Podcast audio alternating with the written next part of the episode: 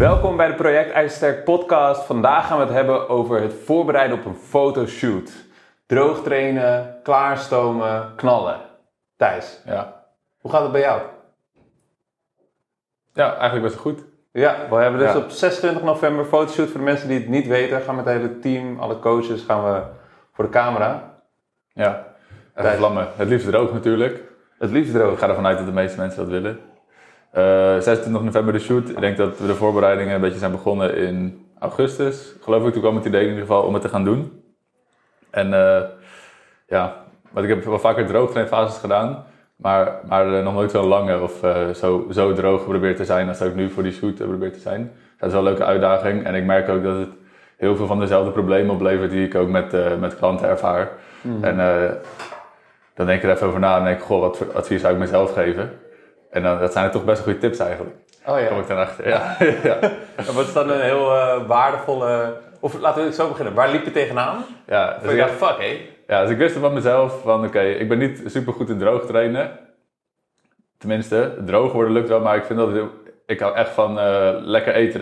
Dat, vind ik moeilijk om te laten liggen. Ch- chips, chocola en zo. Oh. Daar, daar loop ik vaak op stuk.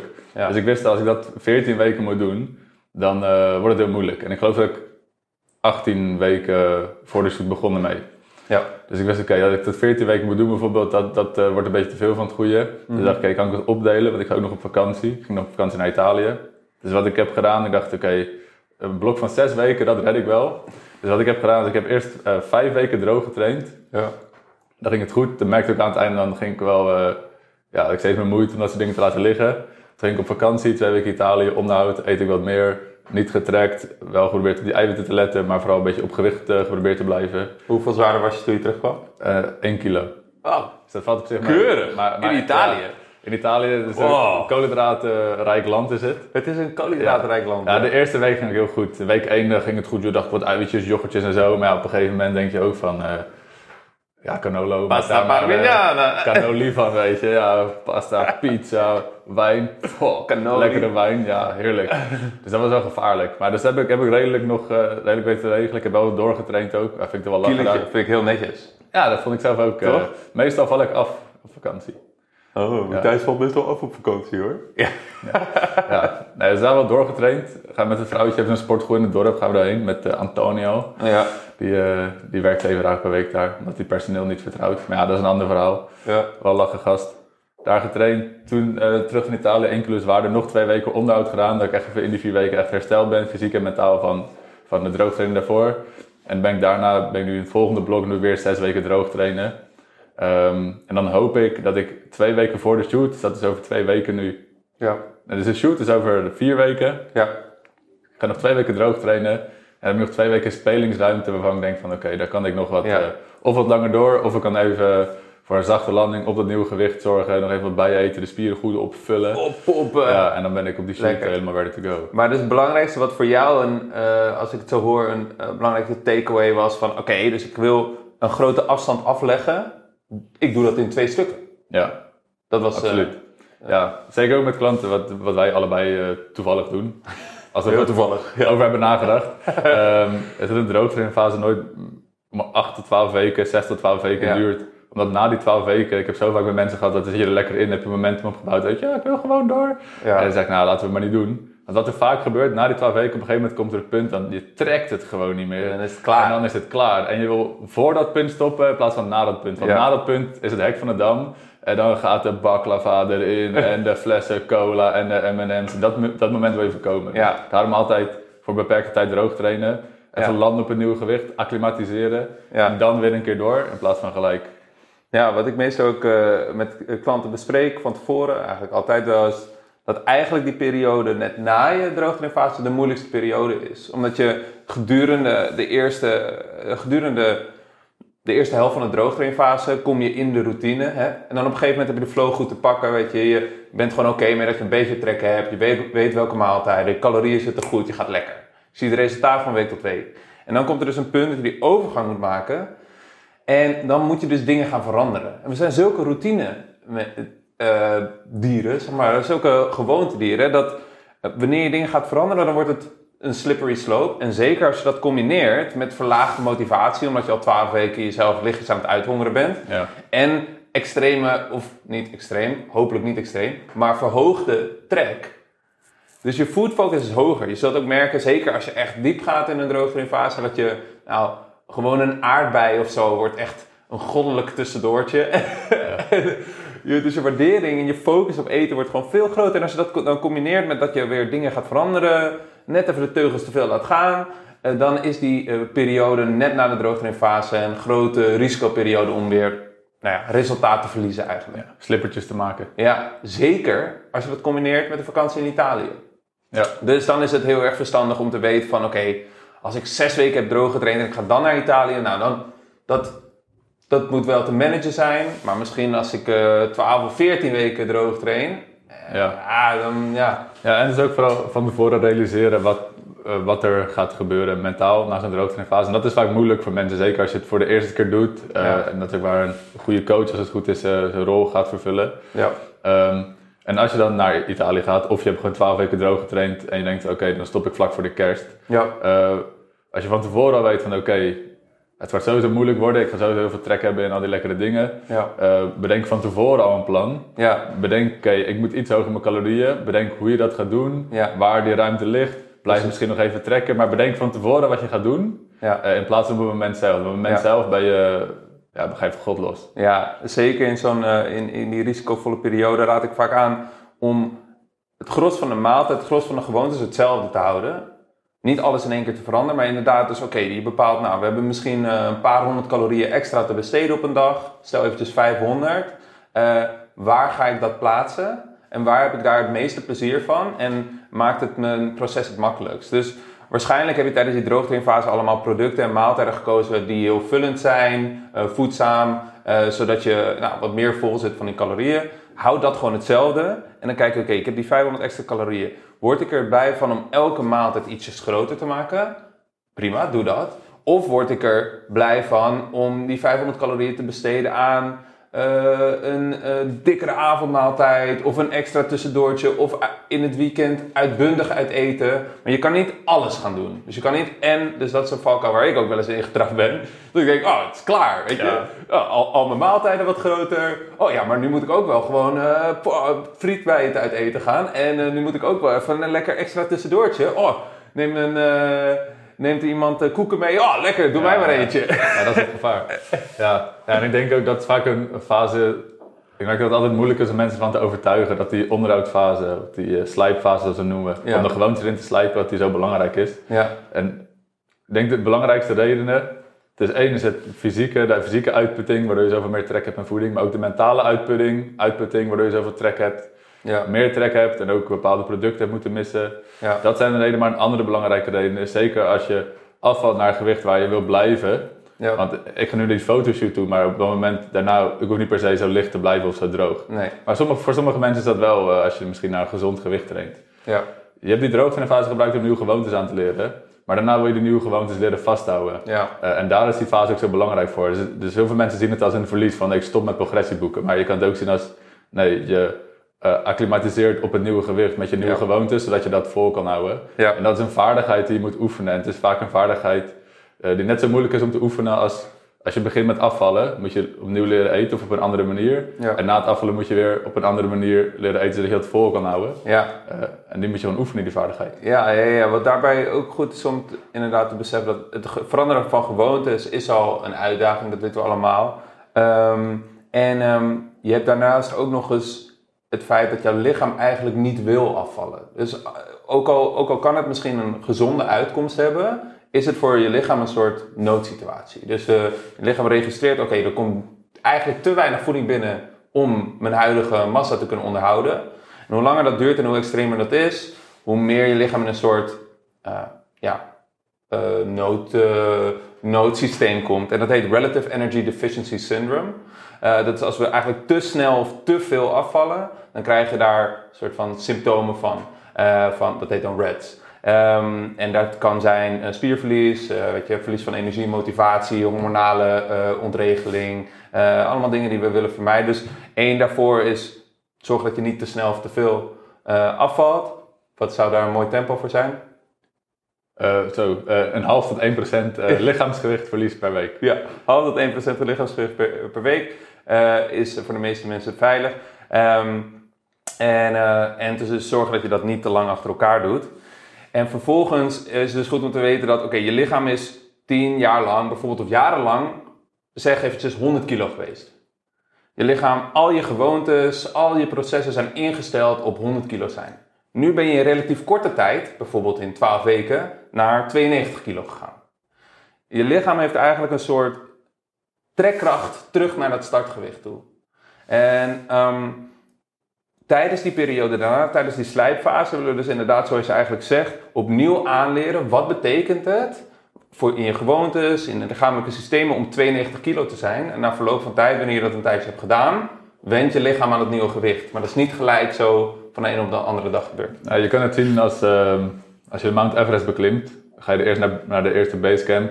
Dan moet je een paar dagen blijven om te wennen aan de nieuwe hoogte. Ja. Volgende basecamp, een paar dagen wennen aan de nieuwe hoogte. En pas dan kan je door. Mhm. Eh, zo is het ook met afvallen. Ja, ja. Eh. en die fotoshoot dan? Ja. Wat, eh, ehm, hoe is dit nu anders voor jou dan een andere droogtrainfase? Ja, wat voor mij nu belangrijk is, sowieso, we hebben de, omdat we met z'n allen gaan en het is een fotoshoot, is er veel duidelijker eindpunt waar je naartoe traint. Dus wat meer externe motivatie ook. Ja. Dat is een belangrijke. En ik word, vlak daarna word ik vader als het goed is. Dus Ja. nee, ik heb ook zoiets van, ja, ik moet het even nog één keer vastleggen allemaal, weet je, voordat Ja. het te laat is. en dan leg ik even die shape vast en dat, dat motiveert ook wel. Ja. Dus ik, ik ga na die shoot eens even kijken wat er, eh, wat er nog mogelijk is. Maar ja. dat is voor mij. Maar ja, hoe gaat het bij jou? Hoe gaat het bij mij? Nou, ehm, bij mij was het een beetje een unieke situatie. Ik heb natuurlijk wel eens eerder fotoshoot voorbereidingen gedaan. Alleen nu is het een beetje een eh, turbulente tijd. eh, dus door omstandigheden is mijn, zijn mijn stresslevels wat hoger eh, dan normaal. Het je druk met van alles. Ehm, dus ik merk dat dat invloed heeft. En ik ben redelijk recent ook nog op vakantie gegaan.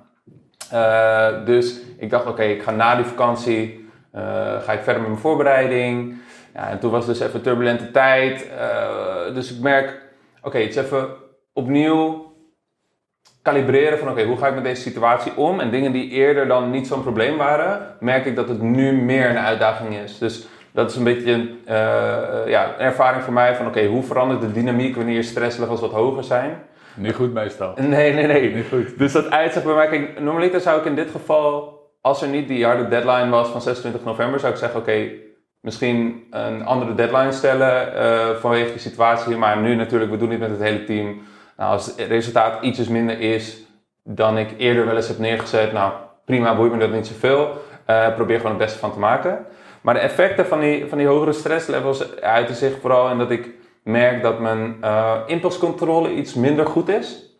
Dus normaliter kan ik best goed knop omzetten en zeggen: Oké, weet je, ik heb een beetje trek, prima. En nu speelt dat iets meer een rol. Ehm, en eh, ik was eh, recent, ik was een paar dagen bij mijn ouders. Dat was ook een interessante Mm. informatie. Want normaal thuis, ik haal gewoon geen, eh, geen snoep in huis.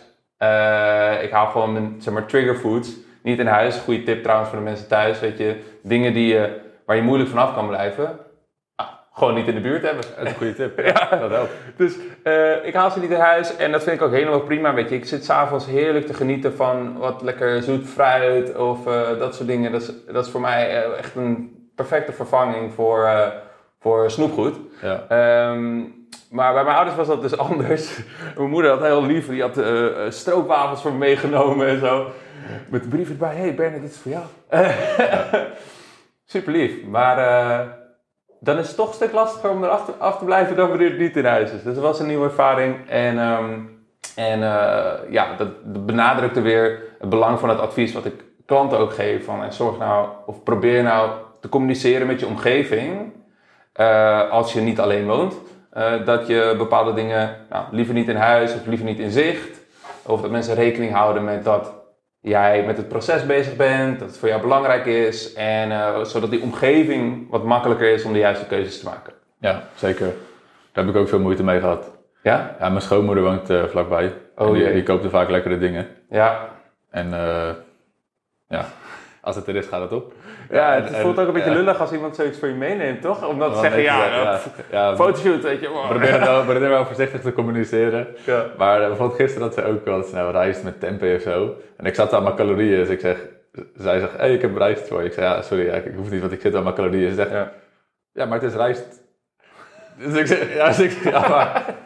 En zij hebben in de hoofd volgens mij gewoon, ja, het is toch rijst met tempeh, dat is toch gezond, kan je Dat gewoon eten. En dan ja. zeg ik, fuck ja, kom, ga je nu de caloriebalans uitleggen of zo? ik heb gewoon eh, netjes nee gezegd, maar, maar het dat ligt er opeens, weet ik veel, een pak kruidnoten. Ja, mijn vriendin is zwanger, dus dat, die eh, heeft ook niet eh, het strakste dieet nu. Nee. Maar van die witte chocoladekruidnoten met extra chocola zat erop. Oh, extra Ja, dus chocola. ik zeg, god, haal het. Ver- Verstop het, verstop het, zeg ik. Maar op een gegeven moment dan ga ik, ga ik tegen... Dit is echt jouw kryptonite. Ja, ja, dan ga ik echt als een verslaafd sta ik in de keuken en zeg, god, geef me een fucking kruidnootje. Kom op, pak ze, pak ze gewoon. Ik weet dat ik zei, ik, zeg, ik weet dat ik ze eigenlijk niet wilde, maar pak er gewoon even eentje. En dan zegt ze, oké. En dan pakt ze zo'n, had ze het heel goed verstopt in zo'n, in zo'n eh, fucking, eh, wat was het? Zo'n eh, eh, pak Brinta of zo. En daar zat dan in, zat in die kruidnoot. En dacht ik, fuck, nu weet ik waar het ligt. Fuck, fuck.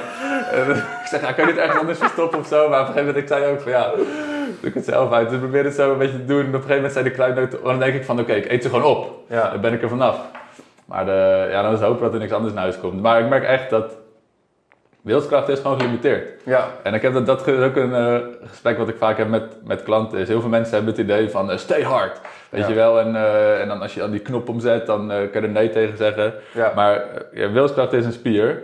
En die is uitputbaar. Ja. En ehm, natuurlijk hebben, kan je trainen en hebben sommige mensen meer wilskracht dan anderen. Ja. Maar ja, kijk, als jij, ehm, als jij de hele dag in de, in de Jamin staat, Ja. eh, ja, op een gegeven moment ga je wordt het heel snoepen. Ja. En het is in dezelfde mate is ook an- anders thuis. Ja. Ehm, Ah, weet je? Ik denk wel dat, dat eh, het allebei een deel waar is. Dus je, je hebt wel degelijk, eh weet je, eh, er zit heel veel waarde in accepteren van oké, eh, ik kan mijn impulscontrole trainen en ehm, eh, ik heb daar zelf invloed in. Dat je wel de verantwoordelijkheid bij jezelf legt. Dat je niet zegt van oké, ik ben gewoon een consequentie van mijn impulsen, want dan zet je jezelf buitenspel eigenlijk. Ehm, eh, en, maar wat voor mij daarin werkt, is bijvoorbeeld met snoep, is ik, mijn conclusie is altijd van, oké, ik merk dat het nooit genoeg is. Wanneer ik zeg, oké, ik neem er even één of een paar, het is, Nee, nee. nee. Dus dan, dan neem je er een paar en dan is het nog steeds, heb je nog steeds het verlangen om meer te nemen. Ja, en op een gegeven moment hou je wel op. Dus of je nou tegen jezelf zegt van, ik neem er geen één, of dat je na vijf stuks tegen jezelf moet zeggen, "Poh, nee, nu- is het echt genoeg. Het is eigenlijk dezelfde uitdaging. Dus, ehm, dus je komt daar niet echt omheen als het in de buurt is. In mijn geval werkt het dan beter om gewoon te zeggen, oké, ik neem dat niet. En ik ben er oké mee. En dus ook niet tegen mezelf zeggen van, oh nee, dat mag ik niet. Oh, ik wil het wel. Oh, dat mag ik, ik mag het niet. Afblijven, Werder. Maar gewoon zeggen, oké, ik neem het niet en ben ik oké mee. Ik kies ervoor om het niet te doen. Maar is dat geluk bij je ouders? Ja, dus in het begin... Ja, dan heb jij een stroopwafeltje gegeten van de week. Dat heb je verteld tegen In mij. het begin niet. In het begin niet. Maar toen dus de conclusie kwam van oké, ik moet gewoon, want ze hebben ook zo'n blik met snoep. Eh, en eerst dacht ik dus oké, ik neem een paar. En dat lukte dan wel. Dus om een paar te nemen en dan, en, en dan te stoppen. Maar ik merkte dus van hé, hey, de, eigenlijk het lijden van oh ik wil het, maar ik mag het niet. eh, dat is net zo groot, of misschien wel groter, wanneer ik over die drempel ben en ik eet er een paar, dan als ik het helemaal niet doe. Dus toen op een gegeven moment gewoon een conclusie getrokken. Oké, ik raak de eh, dat snoepblik gewoon niet aan. En eh, dan is het makkelijker. Ja. En dan gewoon zeggen, oké, ik eh, snoepblik, nee. Fruitmand, ja. Ja. ja, ik denk dat het voor de meeste mensen toch niet zo makkelijk is. Nee, het is niet zeggen. makkelijk. Het is niet makkelijk. Nee, maar het is wel maar- goed om bewust te zijn van, oké, je hebt er wel controle over. Het is wel veel, het maakt je kans van slagen veel groter wanneer je je omgeving goed inricht. Dus eens, want ik bedoel, er zijn gewoon, oh, we doen dingen uit automatisme en er zijn onoplettende momenten. En je prefrontale cortex, die is soms gewoon op, eh, of als je slecht hebt geslapen, minder actief. Prefrontale cortex ver- verantwoordelijk voor impulscontrole. Ehm, dus ja, dus er gaan gewoon momenten komen dat het heel erg uitdagend is om jezelf te weerhouden van een bepaalde keuze maken. Maar ik zou jezelf niet buiten het spel zetten. Dus niet zeggen tegen jezelf, oh ja, ik heb er geen invloed op. Want dat heb je wel. Ja. ja, maar dan zou ik de invloed vooral zoeken in hoe kan ik mijn omgeving zo indelen dat ik die invloed niet uit hoef te Dat is de oefenen. eerste want, prioriteit. want dat is veel makkelijker dan. eh, ja. dat is de eerste prioriteit. Maar waarom ik dit eraan toe zou willen voegen, is dat we nu eh, in onze eh, maatschappij eigenlijk de omgeving niet optimaal kunnen maken. Want we hebben op elke hoek van de straat een snackbar. We hebben altijd een, een eh, supermarkt in de buurt. We zijn eh, in de omgeving van mensen die andere eetgewoontes hebben dan wij. Niet dezelfde doelstellingen. Dus er komen uitdagende situaties. En daarin is het dus wel handig en is het een heel toffe spier om te trainen. eh, wat je impulscontrole is. Want eigenlijk alle of de meeste dingen die wij als mens waarderen, prestaties, eh, eh, karaktereigenschappen, hebben allemaal te maken met hoe goed iemand Biceps. biceps. Eh, hoe goed iemand ehm, de lange termijn kan verkiezen boven de korte termijn. En dat is eigenlijk wat impulscontrole is. Dus eh delayed gratification, ehm, als je het in het Engels wil zeggen. Ehm, dus dit proces is ook een manier om een eigenschap te trainen die, we, die super waardevol is. Ben je zenuwachtig voor de camera staan? Nee, de camera moet zenuwachtig zijn voor mij. Terecht. Ja, Zo. maar eh, nee, ik heb er nu wel vertrouwen in. Ja, we gaan naar Jeroen de Beer, of Jeroen Beer. Jeroen de Beer. Jeroen de Beer. En eh, ik weet dat hij mensen ook goed eh, begeleidt door voor de camera staan. Ja. Ja, als je nu tegen mij zegt, hey, doe even een paar leuke poses voor deze fotoshoot. Of ga model staan voor Gucci. Ja. ben ik geen ster in, denk ik. Oké. Maar in dit geval met Jeroen heb ik wel vertrouwen in. Ja, heel goed. Ja, nee, wat ik merk in het verleden bij het begeleiden van mensen en ook wel bij mezelf, is dat dan in die laatste week gaat het dan toch een beetje, of de laatste twee weken, kan het een beetje tussen je oren gaan zitten. Dat je jezelf heel regelmatig gaat afvragen van, hey, ben ik er wel klaar voor? Eh, moet ik niet nog iets extra's doen? En dat is een belangrijke valkuil ehm, in de voorbereiding. Want je kunt in die laatste één of twee weken, ik bedoel, er zijn wel wat protocollen die je kunt gebruiken om net een procent toe te voegen, maar die brengen ook risico's met zich mee. Dus de, het uitgangspunt dat je zo klaar bent als dat je kunt zijn op dat moment, en zoveel mogelijk eigenlijk loslaat, wat dan precies de uitkomst is, dat is in de meeste gevallen gunstiger. Want gewoon lagere stresslevels hebben in die laatste week, laatste twee weken, zorgt er uiteindelijk voor een grotere positieve impact dan dat je een vochtretentieprotocol gaat doen en stressed out of your mind bent of je wel droog genoeg bent Ja. ehm, voor die, Ja. voordat je voor de kamer En je kan ook, zeker als je met vochtbalans gaat spelen, je kan het ook gewoon nog verneuken. Ja, ja, het is gewoon een risico. Dat is gewoon Ja. zonde. Ja. Dus eh, goed plan, Goed van plan. tevoren, wat Ja. je gaat doen en daaraan houden. Ja, inderdaad. Zeker voor de fotoshootdag. Dat je weet van oké, eh, deze dit eten ga ik meenemen, dit drinken ga ik meenemen. Alle tas, de tas is gepakt. De week voor, van tevoren heb je alles al uitgepland. Wanneer ga je wel of niet trainen. Ehm, ja, op dat moment kun je eigenlijk alleen nog maar te veel doen. Dus, ehm, dus gewoon ontspannen, vertrouwen. En eh, ja, weet je, als je, als je denkt van hé, hey, het had nog wel iets droger gekund, dan doe je het gewoon volgend jaar nog een keer en dan leer je van de lessen die je, die je hebt Ja. opgedaan. Ja. En, en nog een enkel belangrijker voor de luisteraars thuis. Misschien denk je van ja, die gasten hebben het over een fotoshoot. Dat wil ik helemaal niet doen. Ik wil gewoon een lekker hapje zijn op het strand volgend jaar. Ja. De principes die je toepast zijn hetzelfde. Ja. Je doet het alleen of iets langer of iets eh, intensiever. Mhm. Maar de rest, alles wat je doet is eigenlijk hetzelfde. En ik doe niks anders dan mijn klanten. Ik heb nu gewoon wat langer volgehouden Ja. eh, om nog iets droger te zijn. Ja, dat is wel een hele belangrijke. Vaak denken mensen dat er iets veel ja, complexer of extremers nodig is om voor te bereiden op een fotoshoot. En eh, dat is gewoon niet het geval. De principes zijn, zoals je dat zegt, zijn gewoon hetzelfde. En ja, omdat we het maximale resultaat eruit willen halen, is er nog wel even wat meer nadruk op consistentie. Je hebt natuurlijk een vaste deadline, dus je wil niet opeens nou, twee weken een beetje te lopen te lanterfanten en daardoor niet op tijd op het punt zijn waar je wil zijn. Ehm, maar ja, dus ik- denk als coach en als cliënt of als, als fotoshoot voorbereider eh, is het de nadruk op hoe vind ik een balans tussen de training, de voeding en de levensstijl, zodat die consistentie haalbaar is gedurende die 12 weken. Natuurlijk, in de meeste gevallen zijn mensen wel bereid om net even wat meer offers te maken eh, wanneer er een fotoshoot in het spel is of wanneer je zo'n eh, hoge motivatie hebt. Ehm, maar die balans, die duurzaamheid blijft een heel erg belangrijke nadruk. En daarnaast dus het managen van de mindset. Het accepteren dat eh, we kunnen niks anders doen dan het proces zo goed mogelijk doorlopen. En de uitkomst is gewoon wat die is. En als het dan net even wat anders loopt dan verwacht, of dat plaatje wat je in je hoofd hebt is net even anders dan wat de fotoshoot uiteindelijk opbrengt, nou ja, dan kun je misschien terugkijken op hoe is je voorbereiding geweest en hoe wil ik het volgende keer anders doen. En nog steeds heel erg trots zijn omdat je het proces goed goed doorlopen hebt. Dus maak van het proces de focus. Consistent die gewoontes goed doen. Goede balans tussen levensstijl en voorbereiding. En ehm, dan is de uitkomst gewoon Matthias.